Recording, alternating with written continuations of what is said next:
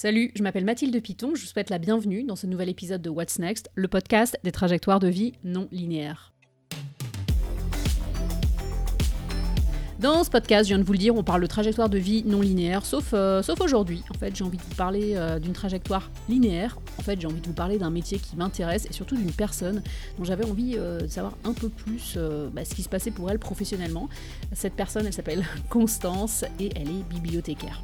On a déjà fait ça. On a déjà fait ça dans What's Next de parler d'une trajectoire linéaire. On l'a fait dans l'épisode 13 avec Joanne qui m'a parlé de son métier d'éditrice. Et euh, bah, aujourd'hui, on reste dans l'univers du livre. Cette fois, on va dans les bibliothèques. La discussion avec Constance est à la fois euh, super concrète parce qu'on a parlé du choix d'un poste en fonction du salaire et du temps de trajet pour se rendre sur son lieu de travail, mais on a aussi parlé de trucs un peu plus philosophiques, de vision, notamment la place du livre dans la cité. Avec Constance, on va parler des bibliothèques françaises qui regardent les États-Unis, qui regardent ce qui se fait ici, aux États-Unis, euh, pour les bibliothèques. On a parlé du statut de fonctionnaire, qui est euh, à la fois voulu par beaucoup de gens et qui est aussi décrié. elle nous donnera son, opinion sur la question. On a parlé de la France, de la beauté de ce pays. J'ai reçu pas mal d'invités qui étaient, qui vivaient à l'étranger, si on se passe du côté français, en fait, qui vivent en Amérique du Nord, au Mexique et ailleurs. et aujourd'hui, ben, on va faire la part belle à mon pays d'origine, puisque Constance a un blog de voyage dans lequel elle parle de voyage partout dans le monde, mais aussi de nos régions. Ce podcast What's Next est en lien avec une newsletter payante qui s'intitule What's Next et que je vous invite aujourd'hui à rejoindre. What's Next, c'est le récit personnel de ma quête d'une prochaine aventure professionnelle. Si les sujets de carrière, d'équilibre vie professionnelle, vie personnelle vous intéressent, euh, si la place de la maternité dans, la, dans, dans, dans une carrière vous intéresse, a priori c'est le cas si vous écoutez ce podcast, eh bien rejoignez-moi dans la formule payante de What's Next. C'est comme ça en fait que ce podcast euh, existe. C'est grâce à vos abonnements, des auditeurs, des auditrices, des lecteurs et des lectrices de cette newsletter qui est publiée, que je publie tous les vendredis matin. Je vous propose aussi dans cette formule un live tous les mardis les derniers mardis du mois à 20h30 où on se retrouve en petit comité pour discuter de ces sujets de trajectoire de vie non linéaire. Je remercie toutes les personnes qui ont déjà rejoint cette newsletter payante. Merci beaucoup. Et puis bah maintenant, bah on y va, c'est parti place à ma conversation avec Constance. Salut Constance, comment tu vas? Ça va bien. Euh, Constance, je te connais parce que tu as été une lectrice et surtout une commentatrice de mon blog euh, à l'époque, le blog de Mathilde. Je te suis sur Instagram où tu postes sur ta vie à Paris, sur euh, les manifs, tes voyages, le plus récent étant à Cuba. En gros, on est copines d'Internet. Enfin, tu me diras si tu partages ce point de vue. C'est-à-dire qu'on connaît des aperçus de nos vies, mais on ne s'est jamais rencontré en personne. Donc j'avais envie d'en savoir plus sur toi, notamment sur ton parcours professionnel. Euh, alors pour commencer, comment est-ce que tu réponds à la question? Qu'est-ce que tu fais dans la vie? Alors, déjà oui, hein, je te considère aussi comme une copine d'Internet, même si les gens ont souvent un peu du mal à, concevoir ce principe de on ne s'est jamais vu, mais on se connaît quand même. Euh, pour répondre à cette question, ça dépend complètement de qui j'ai face à moi, en fait. Parce que euh, pendant très longtemps, j'ai répondu, enfin très longtemps, pendant un certain temps, j'ai répondu que j'étais bibliothécaire. Maintenant, c'est vrai que c'est particulier parce que je suis de mon statut, c'est conservatrice des bibliothèques. Euh, mon métier actuellement, c'est d'être directrice d'une médiathèque. Et les deux sont pas toujours liés. Donc ça dépend à qui j'ai affaire et comment je souhaite qu'on me voit en fait. Voilà, quand j'ai envie d'envoyer un petit peu euh, et d'impressionner un peu, je dis conservatrice. Mais ça veut dire quoi alors concrètement être conservatrice? C'est un grade de la fonction publique où on a différents grades euh, dans, selon les filières qu'on a choisies et selon les fonctions publiques dans lesquelles on est. Euh, et conservateur, bah, c'est le grade le plus élevé dans la fonction, enfin dans tout ce qui concerne la culture, donc les conservateurs du patrimoine, conservateur d'archives, conservateur des bibliothèques. Et ça correspond aussi à une forme de. C'est un vieux titre un peu. Voilà. Donc, ça fait très sérieux en effet. Exactement. Comment toi tu te sens par rapport à ce métier, aux trois noms? Ben, ça dépend. Je pense que je m'aperçois là, parce que j'exerce comme directrice depuis un an, qu'il s'agit de métiers très différents, enfin qu'il y a beaucoup de métiers très différents qui sont sous le même nom et, et qu'on peut faire des métiers très différents dans cette vie en ayant choisi le même, le même cursus. Et, et ça, c'est quelque chose qui est assez compliqué, je pense, à concevoir pour pour justement ceux qui ne sont pas conservateurs, mais qui sont bibliothécaires et qui sont au stade, euh, au grade un peu en dessous, pour qui ça va être moins varié euh, en général. Est-ce que, euh, on reviendra sur ce que tu fais au quotidien, mais est-ce que c'est un métier que toi, tu as choisi? Oui non. Alors oui, je l'ai choisi et de façon un peu inconsciente. Donc, euh, je, me suis retrouvée là euh, en ayant le, concours, euh, en me disant, bah, en fait, avec le recul, je m'aperçois que c'est bien, qu'il était évident que j'allais faire ça à la fin, mais c'était pas. Quand j'ai commencé à. En fait, je savais pas du tout ce que je voulais faire. Quand j'ai commencé à faire mes études, je savais pas ce que je voulais faire et je savais que j'aimais bien l'histoire, que j'aimais bien les vieux papiers. Donc, euh, je me suis dirigée vers quelque chose qui, en fait, conduisait aussi à ces concours de conservateurs, euh, une classe prépa, sauf que comme j'ai raté derrière, après, j'ai fait plein, plein de choses. Et puis, j'ai trouvé un, petit boulot de CDD euh, dans une bibliothèque. Et je me suis dit, bah, c'est sympa, c'est pas, pas le truc qui me. Voilà, c'est pas ce qui est le plus dynamique du monde c'est pas ce qui me m'émeut le plus, mais, mais c'est plutôt sympa et finalement, en fait, ça me va. Donc, je vais poursuivre là-dedans et essayer de. Et à partir de là, j'ai commencé à faire. à trouver des emplois de bibliothécaire dans différentes structures pour voir justement tout ce qu'on pouvait faire de différent et pour être sûr de mon choix, jusqu'à ensuite passer les concours de conservateur où c'était plutôt aussi pour par appât du gain aussi? parce que parce que c'est pas des métiers dans lesquels on est très bien payé. Donc si je voulais être payé un peu convenablement, bah, il fallait arriver tout de suite en haut de l'échelle. Est-ce que tu peux me retracer du coup ce parcours? Parce que là c'est un peu confus pour moi. Quand toi, tu fais tes études, tu arrives en études, tu dis bon, je sais pas trop ce que je vais faire. Après le bac. Je savais qu'on va faire une, prépa littéraire. Oui, parce qu'en mmh fait, c'est ça son importance. Euh, et donc, je suis partie en ce qu'on appelle une prépa charte pour préparer à l'école des chartes, qui est donc une grande école euh, pour former justement euh, tous ceux qui s'occupent, bah, grosso modo, des vieux papiers. la prépa charte, c'est très dur. Donc, j'ai fait je peux faire une pause sur ça parce que moi j'ai fait une j'ai fait une prépa lettres et il y avait une prépa charte dans ma prépa. C'était toujours un peu, si je puis me permettre, c'était un peu les gens un peu bizarres quoi. Oui, c'est les gens qui font du latin et qui parlent latin. Euh, sauf que je ne parlais pas latin, d'où le souci. Donc, j'ai n'ai pas pu intégrer l'école en fait, parce que je ne parlais pas latin. Euh, donc, oui, c'est des gens bizarres, même euh, de l'intérieur, c'est des gens bizarres, mais, mais on s'y fait, c'est un autre monde que j'ai découvert. Euh, et, donc, une fois que j'ai arrêté la prépa, je suis fait une fac d'histoire et puis je ne savais pas trop quoi faire. Donc, en même temps, j'ai fait de l'histoire de l'art, puis j'ai fait des sciences politiques. Après, j'ai voulu passer différents concours. Tout ce que je savais, c'était que je ne voulais pas être prof. Voilà, mmh c'était déjà bien. Euh, et ensuite. Est-ce que tes parents sont profs? Oui, mes parents sont profs. ça ne vient pas de rien. Euh, je suis d'une famille prof et je me suis dit non, faut voir autre chose quand même. Et donc voilà, j'ai fait, fait ces choses-là. J'ai fait une, une petite expérience euh, dans la communication, euh, ce qu'on appelle les services civiques, dans une association qui travaillait pour le Parlement européen. Et quand je suis revenue, je me suis dit, bon là, il faudra quand même que je trouve un, un travail qui...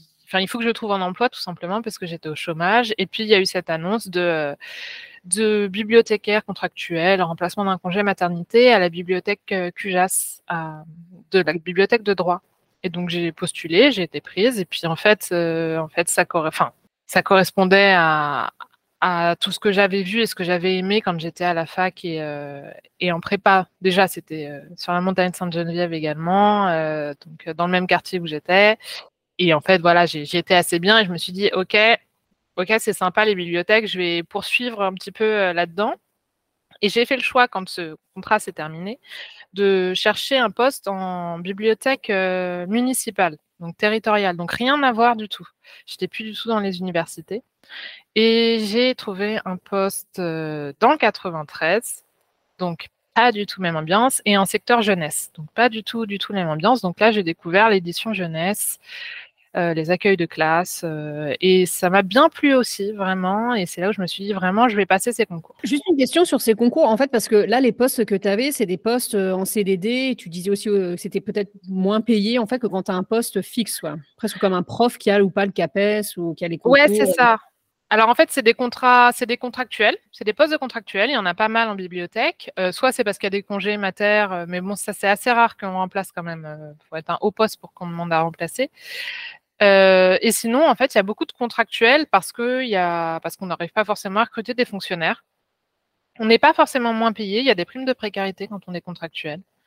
Donc, donc ça dépend. en fait, les salaires dépendent beaucoup des, collectivités aussi. Donc ça, ça dépend de où on est.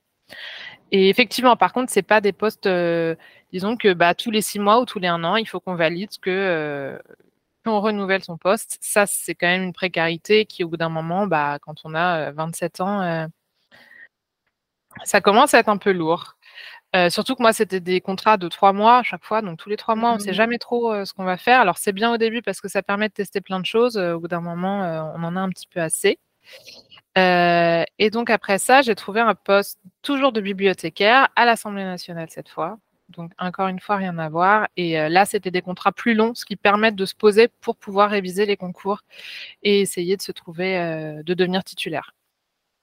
Voilà en gros. Et évidemment, quand je suis devenue conservatrice derrière, et ben en fait, je me suis retrouvée avec tous les gens avec qui j'étais en classe prépa, puisqu'en fait, l'école des chartes, ensuite, il faut passer le concours de conservateur. donc, donc la boucle était bouclée. Et ce concours de conservateur, c'est un concours qui ensuite, euh, c'est un accès à une formation? Ou c'est un concours qui te donne un métier directement?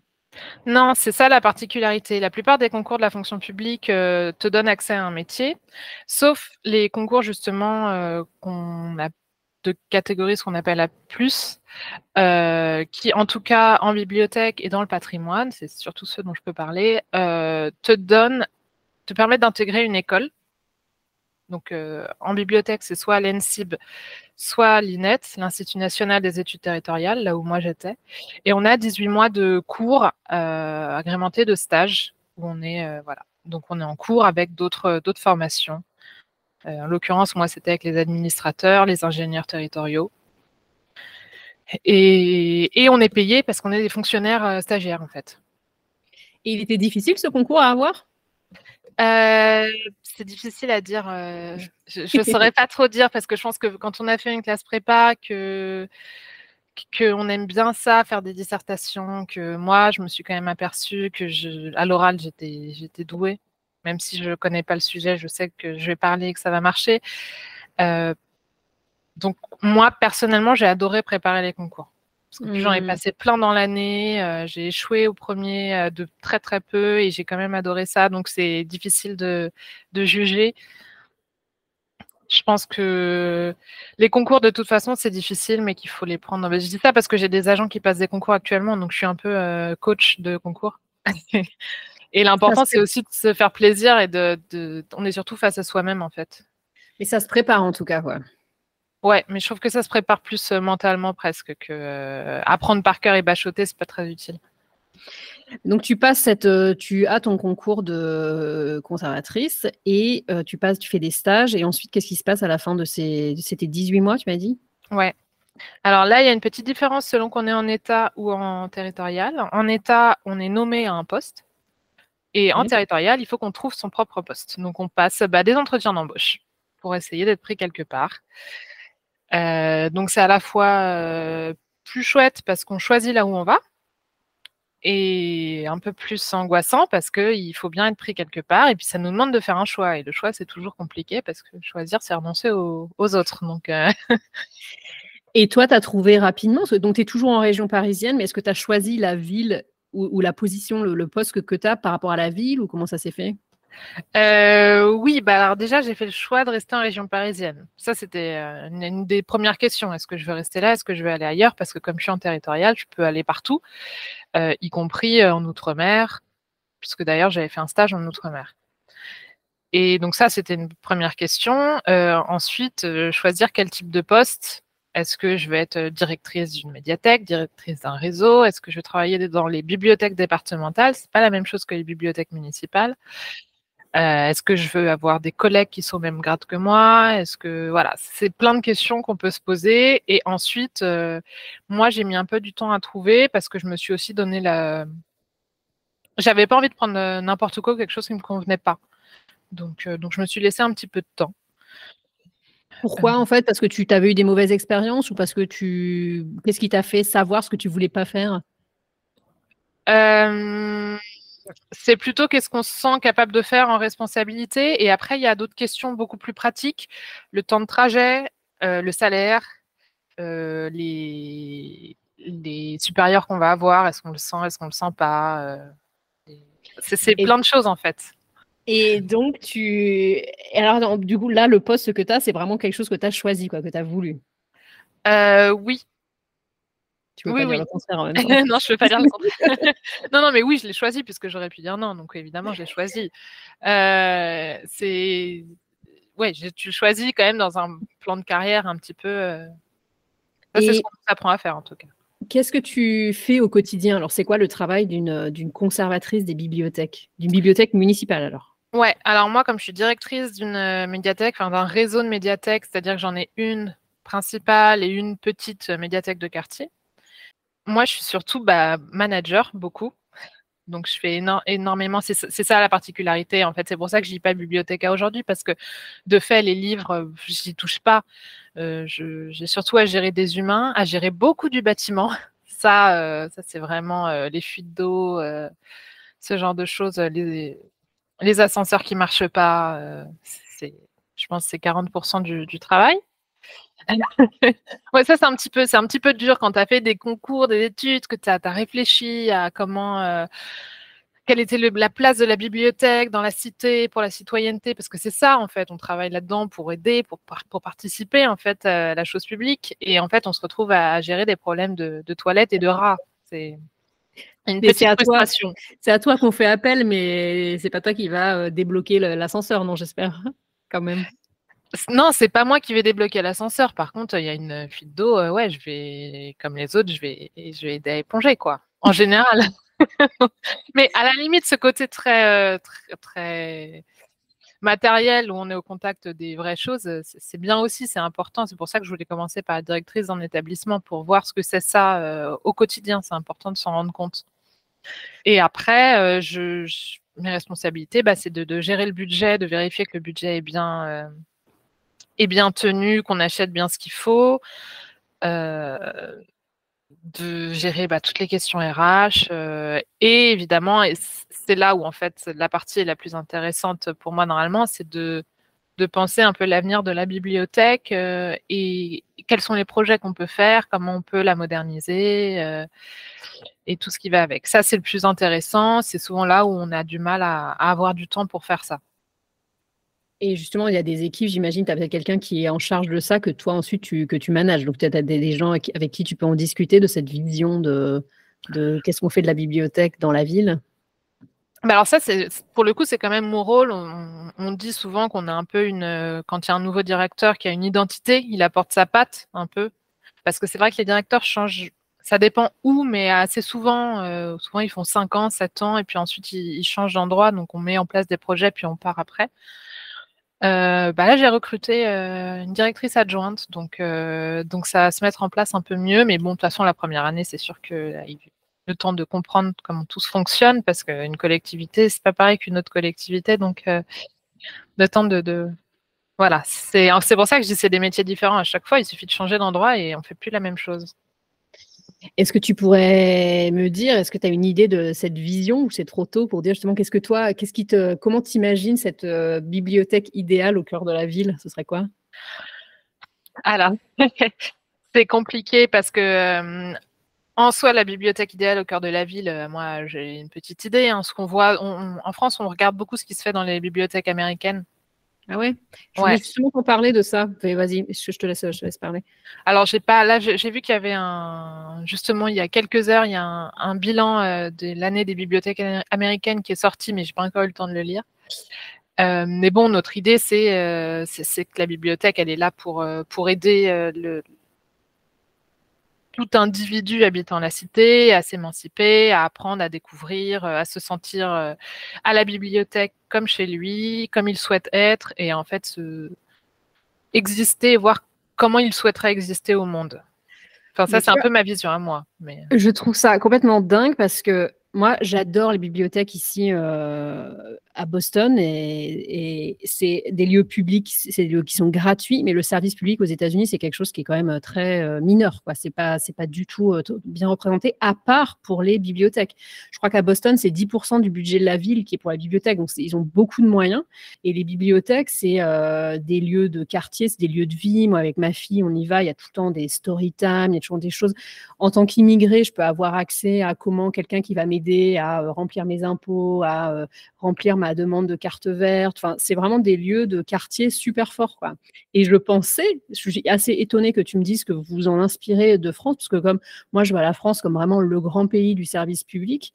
Et ici, aux États-Unis, c'est tellement mineur. Et je suis surprise du coup que, tu, que vous regardiez vers les États-Unis pour, euh, pour les bibliothèques, parce que justement, je voulais te demander si c'était la même chose ce, centre, en fait, euh, pour moi, la bibliothèque, c'est un centre de quartier hyper important.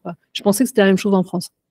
Alors, ça l'est un petit peu, ça, ça l'est hein, quand même. Je pense que c'est encore l'équipement euh, l'équipement culturel qui est le plus fréquenté, même si euh, on est, ça, baisse quand même les fréquentations, les inscriptions. C'est ça qui parfois est un peu compliqué, c'est qu'on sait que d'inscrits dans une ville, on n'a pas, pas, pas, tant de pourcents que ça, et parfois on a un peu l'impression de travailler pour bah, la couche aisée en fait des gens qui la question, c'est est-ce qu'ils ont vraiment besoin de nous?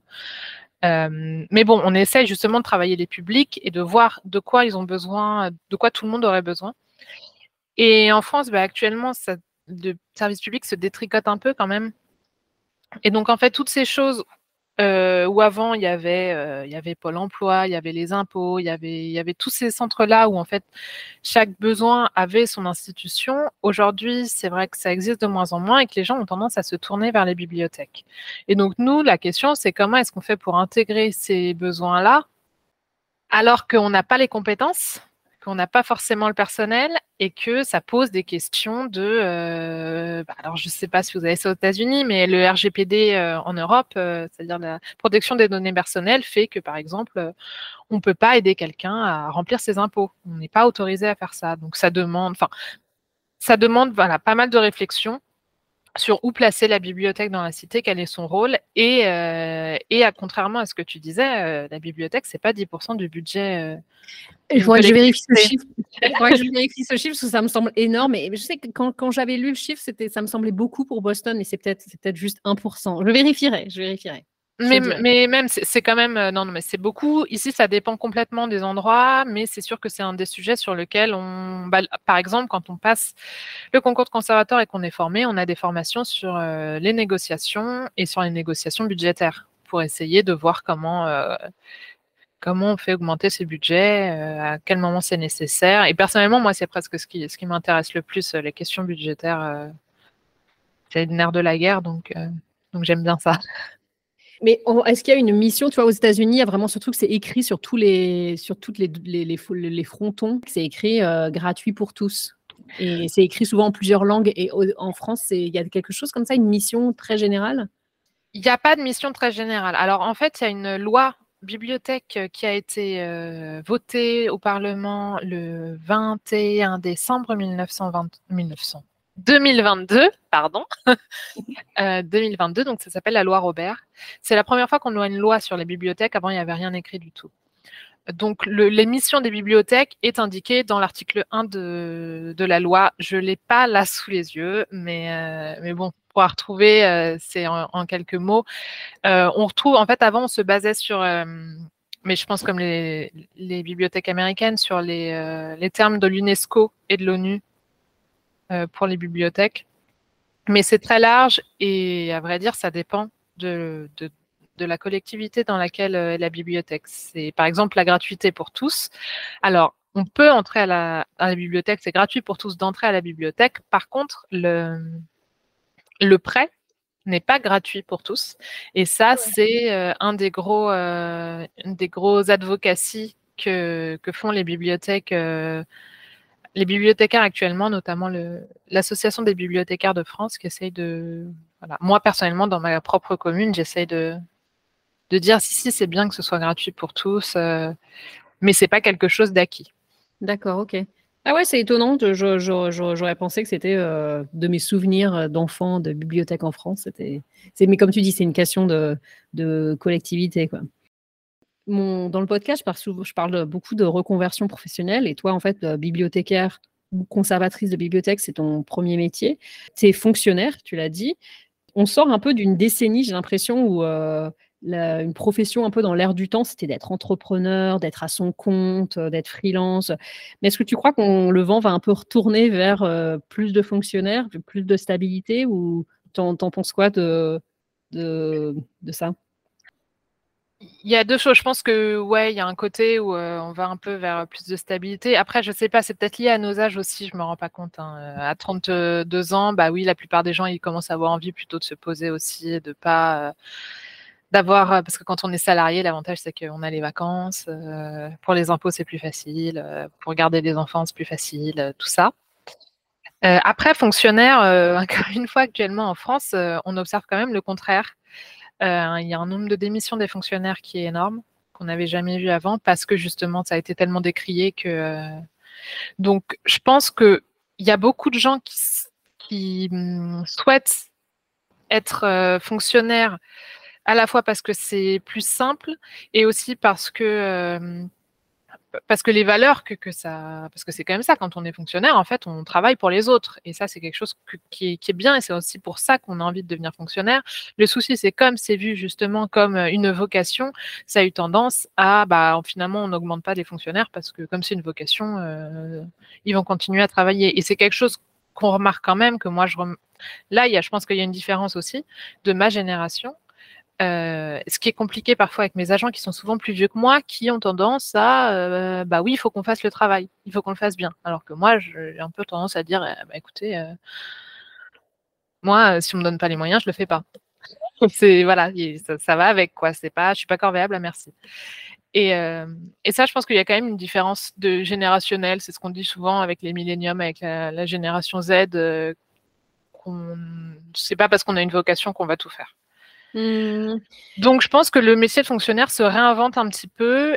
Et euh, l'intérêt des fonctionnaires territoriaux, c'est qu'en fait, nous, on peut changer de métier quand on veut. Enfin, on peut passer d'une collectivité à une autre. On peut, moi, par exemple, euh, voilà, je suis directrice de médiathèque, euh, mais c'est pas impossible que s'il y a un poste de directrice de culture ou voilà, d'autres choses, je puisse également l'avoir. Ouais, c'est ça que je voulais te demander, c'est euh, comment toi tu prévois euh, le changement potentiel dans quelques années? là, tu viens juste de commencer, mais mon changement à moi personnel ou en règle générale? Ouais, bah là tu viens de le dire pour en, règle générale, mais toi, est-ce que c'est euh, pour toi comment ça se passe? Tu te dis, tu te donnes encore quelques années avant de te dire, ok, quand j'en aurai marre, je passerai à autre chose ou comment ça, ça se passe? Moi, je pense que, enfin, j'espère que la fonction publique va un peu se devenir plus souple c'est déjà le cas en territorial, c'est le cas parce que voilà, moi je suis aussi à un grade où j'ai plus de choix possibles. Je veux dire, euh, actuellement, il y a moins de conservateurs qu'il n'y a de postes. Donc c'est facile pour moi. C'est facile aussi parce que je peux euh, demander des postes fonctionnels. Les postes fonctionnels, c'est euh, ce qui est lié aux politiques. Donc quand il y a un changement, par exemple, de, majorité politique, on, on, peut renommer tout ce qui est directeur généraux. Et c'est là où on peut avoir ce poste-là qui est au-dessus. Euh, j'ai aussi le choix de passer en fonction publique euh, d'État, donc euh, de retourner en bibliothèque universitaire et de faire une carrière là-dedans. Donc moi, j'ai beaucoup de possibilités. les grades qui sont en dessous en ont un petit peu moins. Enfin, ça dépend. Remarque, je, je, connais peut-être aussi moins les trajectoires de vie dans ces cas-là. Et j'espère que la fonction publique deviendra plus souple. la territoriale s'y est déjà mise il y a quelques temps, ce qui permet de faire aussi du passage du privé au public. La fonction d'État ne le fait pas. Et c'est pour ça, je pense qu'ils perdent beaucoup de gens, en fait. J'ai pas mal de profs dans mon entourage et je pense à ma sœur qui va sans doute écouter cet épisode, qui elle est instit et je sais qu'elle aimerait bien changer, mais c'est difficile quand tu es dans, ton, dans, ta, dans ta case en fait euh, d'aller voir, euh, d'aller voir ailleurs. Quoi. Alors que c'est vrai que tu pourrais imaginer euh, que quand tu es fonctionnaire, tu as une vaste panoplie de métiers à ta, à ta portée. Quoi. Je voulais continuer de parler de la France parce que dans ce podcast, j'ai reçu pas mal de personnes qui vivent à l'étranger ou qui ont vécu à l'étranger, qui sont rentrées en France et qui parfois ont un regard un peu euh, critique sur la France. pour avoir voilà, vécu ailleurs. Toi, tu y vis toujours? Tu écris sur ton blog, on en reparlera, sur tes voyages en région. Et puis, bon, tu es aussi voilà, fonctionnaire. fonctionnaire. Qu'est-ce que tu aimes dans la France? Je veux pas te faire la la défenseuse de la France, mais un peu quand même. Non, bah, c'est sûr que ce que j'aime, c'est justement tous les acquis sociaux qu'on a pu avoir. C'est bizarre de dire ça, mais c'est vrai que je reviens de Cuba, où ils ont des acquis sociaux, beaucoup aussi et où justement ils, nous enviaient un peu beaucoup de choses et on leur disait que nos acquis sociaux, il y en a beaucoup qu'on risquait de perdre, donc euh, qu'il fallait pas trop nous envier là-dessus parce que euh, en ce moment c'était un peu compliqué. Euh, mais c'est ça que j'aime bien, c'est cette le fait qu'on a un confort de vie. Et j'avoue, j'aime bien aussi en ce moment bah, que les, Français soient se plaignent tout le temps, manifestent, sont dans la rue. Euh, et en plus, avec, euh, on le voit pas forcément, je pense, aux États-Unis. Vous, je sais pas trop comment les, les, médias en parlent, mais moi, je ressens quand même une extrême bonne humeur de tout ça, quoi. Les médias en parlent, mais oui, mais moi, je suis surprise parce qu'en général, euh, les infos que j'écoute sont tellement centrées sur les États-Unis. Mais ouais, là, les, manifestations contre la, réforme des retraites, j'en ai, j'en ai entendu parler, j'en entends encore parler. Ça surprend beaucoup les gens, quoi. Et les gens se demandent est-ce qu'on peut encore voyager en France? Enfin, c'est d'un point de vue très américain, mais euh, il y a une espèce de surprise. Et puis, il y a un, intérêt purement égocentrique de dire est-ce que je peux retourner à Paris? Est-ce qu'il y a des poubelles? Est-ce qu'il y a des manifs? Est-ce que c'est dangereux? Mais les, ouais, c'est sûr, j'en ai entendu parler aux infos plusieurs fois. Bah là, je pense qu'en ce moment, il y a quand même une forme de, fierté parce que ces, euh, ces, manifestations, même si on essaie de les vendre comme euh, des choses violentes, euh, la vérité, c'est qu'on voit aussi les images de gens qui, boivent leur vin à côté des poubelles en feu parce que, en fait, c'est pas violent contre les gens, quoi, pas du tout.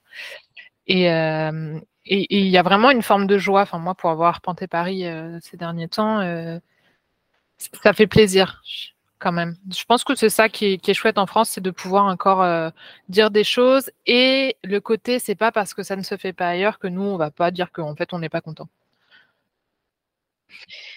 Pour euh, préparer cette interview, je me suis replongée dans ton blog, ce vieux truc euh, des années 2000. Enfin, je parle pas de ton blog, hein, mais les blogs en général, ce vieux truc des années 2000-2010. Ton blog est, donc un blog de voyage. Tes articles sont illustrés par des superbes photos. Et franchement, ça m'a fait un bien fou de m'y replonger, honnêtement. Euh, notamment dans les derniers articles que tu as rédigés pendant la pandémie. Euh, euh, tu avais fait un tour de certains départements qui ne sont pas nécessairement les plus mis en avant. il y avait les Côtes d'Armor, le Gard, le Loir-et-Cher. Est-ce que tu es encore motivé pour continuer de poster sur ton blog, même si tu le fais lentement?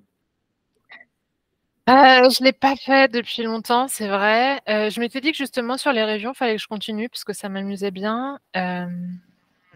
J'ai aussi arrêté parce que, pareil, en devenant fonctionnaire, mine de rien, j'ai aussi euh, un devoir de réserve, de tout ça, quoi. Et toujours la crainte parce que, parce qu'en fait, mon métier, il est quand même très politique euh, et on a des politiques qui viennent euh, regarder aussi ce qu'on fait. Donc, c'est plus, un peu plus tendu de poster. Donc, je me suis peut-être un peu empêchée de poster. C'est vrai un devoir de réserve de, parler de, parce que tes articles ils sont quand même c'est des présentations de c'est j'ai l'impression que c'est pas très engagé quand même. Non, c'est pas très engagé, mais euh, je, suis un peu parano aussi. Hein, mais euh, actuellement en France, on est peut-être un peu parano. c'est possible. Euh, je, pense que je vais le refaire, mais c'est vrai qu'Instagram a pris tellement de place euh, avec les stories où finalement c'est aussi long à, faire et on peut partager beaucoup de choses avec. Notamment, euh, c'est vrai que je partage beaucoup plus d'expositions, de, critiques d'expositions que je ne faisais avant. Et euh, il faut avoir voyagé un peu en France pour avoir le temps de faire ça. donc je vais voir, mais, mais oui, ce serait pas mal. C'est vrai, que, vrai que finalement, moi, quand je suis allée à Cuba, je suis allée regarder s'il y avait des blogs qui en parlaient. Donc donc, c'est encore quelque chose qu'on fait. Il y a quoi en ce moment dans ta, dans ta pile de livres à lire, dans ta pile à lire? Ah, Il y a des trucs super nuls. Alors ça, ah, je ne l'ai pas là, je crois. Mais euh, alors je, vais casser un peu le mythe. Hein. Les conservateurs de bibliothèque ne lisent pas des trucs euh, super intelligents tout le temps. C'est même mmh. plutôt le contraire. Euh, en tout cas, avec les, les, copines de ma promo, on, se faisait surtout des soirées où on parlait de, bah de, de, films nuls sur Netflix, voire de, je sais pas si vous, vous avez aux États-Unis Selling Sunset et tout ça, donc c'est surtout ça nos soirées. Et au niveau des livres, alors là j'ai un livre sur la K-pop. Ok. Ah, d'ailleurs, on voit pas, mais mon t-shirt, c'est sur la K-pop aussi. mais un Et- livre de, un livre, c'est quand même un livre intello entre guillemets sur la K-pop ou c'est Pas un. du tout. Mais pas, Pas du tout, en fait. C'est, je sais pas, c'est un de, c'est mon, mon collègue qui, qui se charge de- d'acheter euh, les livres ados, qui a acheté un livre euh, sur euh, voilà une ado qui devient star de K-pop. Et donc qui me l'a mis sur mon bureau, qui me l'a mis sur mon bureau et donc je vais me faire un plaisir de le lire. Moi, j'aime bien lire des trucs un peu légers.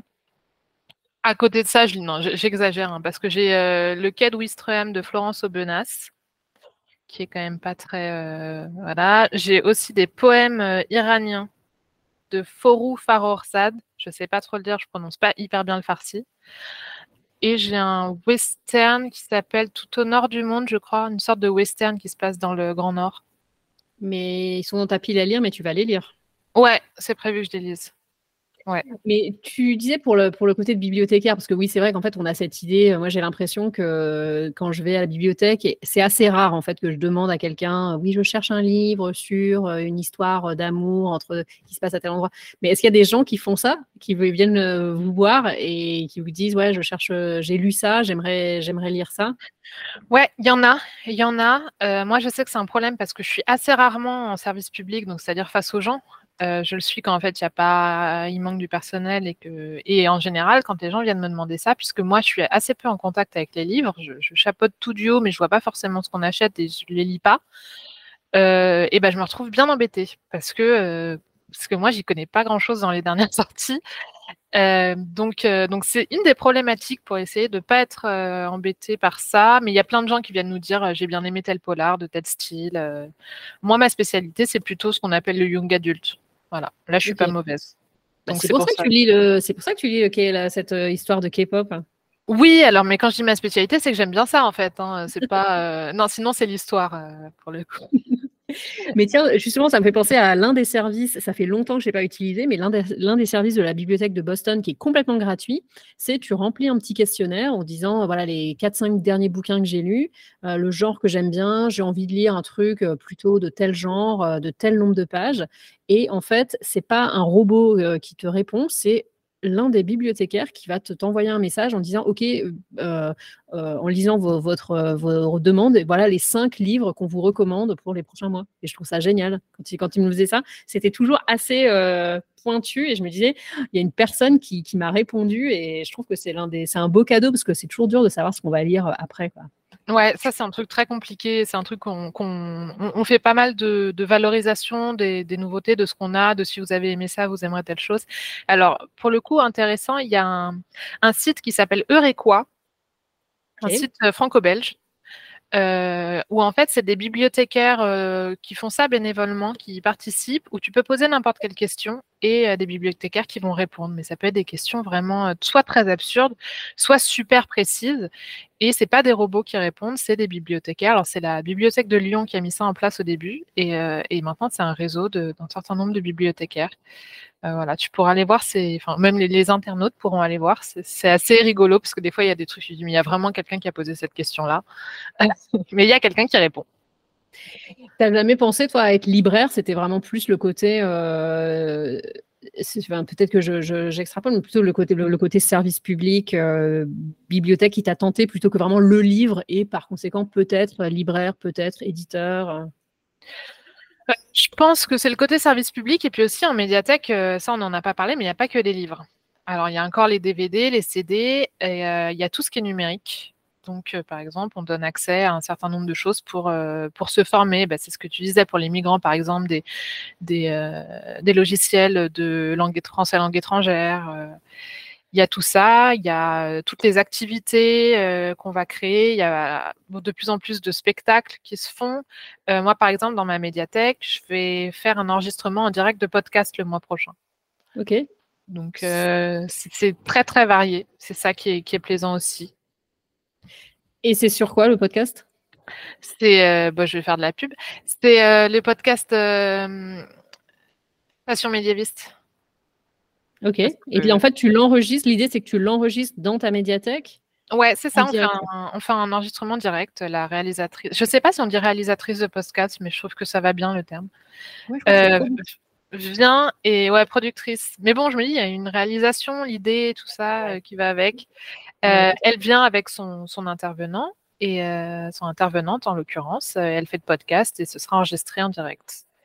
Ah ouais, non, mais c'est sympa, ouais. Mais y a, je ramène la, couverture à ma ville, mais à Boston, il y a une, euh, la radio locale, l'espèce de France Inter locale, s'appelle GBH. Euh, ils enregistrent tous les matins euh, de, midi à, de 10h à midi. Jim et Marjorie, ils enregistrent en direct et c'est hyper sympa de, quand tu passes à la bibliothèque, les voir. quand je les entends dans ma voiture, je me dis, ah ouais, il y a Jim et Marjorie qui racontent leurs trucs. C'est un peu la radio, voilà, une espèce de radio, comment des gens appellent. Enfin, c'est à la fois de la politique locale, euh, des, questions, des trucs d'actualité, hein, une sorte de magazine. C'est hyper sympa. Quoi. Et je trouve que la, bibliothèque se prête bien, la médiathèque en fait se prête bien à, à ça. Quoi. Bah, c'est une des vraies questions, c'est comment est-ce qu'on essaye, comment on arrive à intégrer tous les nouveaux médias, tous les nouveaux réseaux sociaux, euh, à quel moment euh, justement la médiathèque elle est là pour euh, apprendre à, à, prendre du recul sur tous ces réseaux, tous ces médias et les utiliser correctement, notamment pour les jeunes, parce que c'est pas, ça sert à rien de dire ah, c'est pas bien TikTok, c'est pas bien Instagram. non, en fait, qu'est-ce que c'est, comment on peut l'utiliser, à quoi ça peut servir. Tu voulais faire quoi quand tu étais petite quand j'étais petite, je voulais être, euh, je sais pas, euh, je, j'ai une période styliste comme tout le monde, je pense, euh, journaliste, et puis très vite j'ai beaucoup aimé l'histoire. Donc ouais, journaliste ou prof d'histoire. Qu'est-ce que je peux te souhaiter professionnellement parlant pour les cinq prochaines années? Un peu plus de, de, trouver un peu plus mes marques parce que là, là la première année de, de direction je pense que c'est pas lié aux bibliothèques, c'est le fait de gérer une équipe de 17 personnes. C'est super dur psychologiquement, c'est super dur. Je ne m'attendais pas à ça. Donc, euh, ouais, de, trouver un peu plus ses marques, sa place et que tout semble un peu plus facile. Non, j'ai oublié. Si, quand j'étais petite, je voulais travailler à la Bodleian Library d'Oxford. Donc, ah. on est quand même sur la bonne voie. tu l'imaginerais de partir à l'étranger ou pas? Euh, ouais, j'ai toujours rêvé de le faire et j'ai pas pu le faire parce que les études ne le permettaient pas. Euh, j'aurais pu partir en stage à, normalement s'il n'y avait pas eu le Covid, j'aurais pu faire un stage à, Yale, à la bibliothèque de Yale. Et Le mmh. Covid s'en est mêlé, donc j'ai même pas pu tenter. Bah, c'est vrai qu'en fait maintenant j'ai le CV pour pouvoir partir euh, dans les alliances françaises ou pourquoi pas dans des bibliothèques étrangères. Je pense que ce sera intéressant en tout cas. Ton Instagram est privé, mais ton blog est public. On peut te retrouver euh, sur Galswind. Je sais pas comment tu, comment tu le dis? Dans ma tête, je dis comme ça Galswind, non? Galswind, ouais, moi aussi. Euh, L'Instagram est privé, mais il est privé aussi parce que je, encore une fois, parce que je suis devenue fonctionnaire. Donc, euh, n'hésitez pas à demander l'ajout. C'est juste que je veux pas qu'il soit ouvert à, à, à tous. ça se dit Galswind, ouais. G-A-L-S-W-I-N-D. Bah, je te remercie, Constance, et puis euh, à très bientôt. Merci beaucoup. Alors, j'ai vérifié l'info et la bibliothèque de Boston reçoit euh, un peu plus de 1% du budget de la ville collecté en taxes d'État, ce qui correspond à plusieurs millions de dollars. C'est un peu fou comme info. Voilà, plusieurs millions de dollars euh, chaque année. Merci donc à Constance pour cette conversation d'un parcours linéaire. Oui, certes, dans What's Next, un parcours linéaire, mais avec tout de même euh, quelques détours pour en arriver là où elle en est, puis quelques questions qu'elle s'est posées, qu'elle se pose encore. Moi, j'ai bien aimé avoir un épisode un peu comme ça, présentation de métier. Si ça vous a plu, faites-le moi savoir. Comment vous pouvez faire? Bah, Vous pouvez me laisser un message sur Instagram, à What's Next Mathilde. Vous pouvez vous abonner sur Substack. vous pouvez noter ce podcast sur Spotify, Deezer, Apple Podcast. Euh, je vous attends cette semaine dans l'épisode de What's Next, la newsletter. Je ne suis pas encore sûre au moment où je termine l'enregistrement, je ne suis pas encore sûre du sujet de la semaine, mais il y en aura un parce qu'il y en a tous les vendredis. Ce podcast revient dans deux semaines. Je vous dis euh, à bientôt. Bon mois de juin. Yay!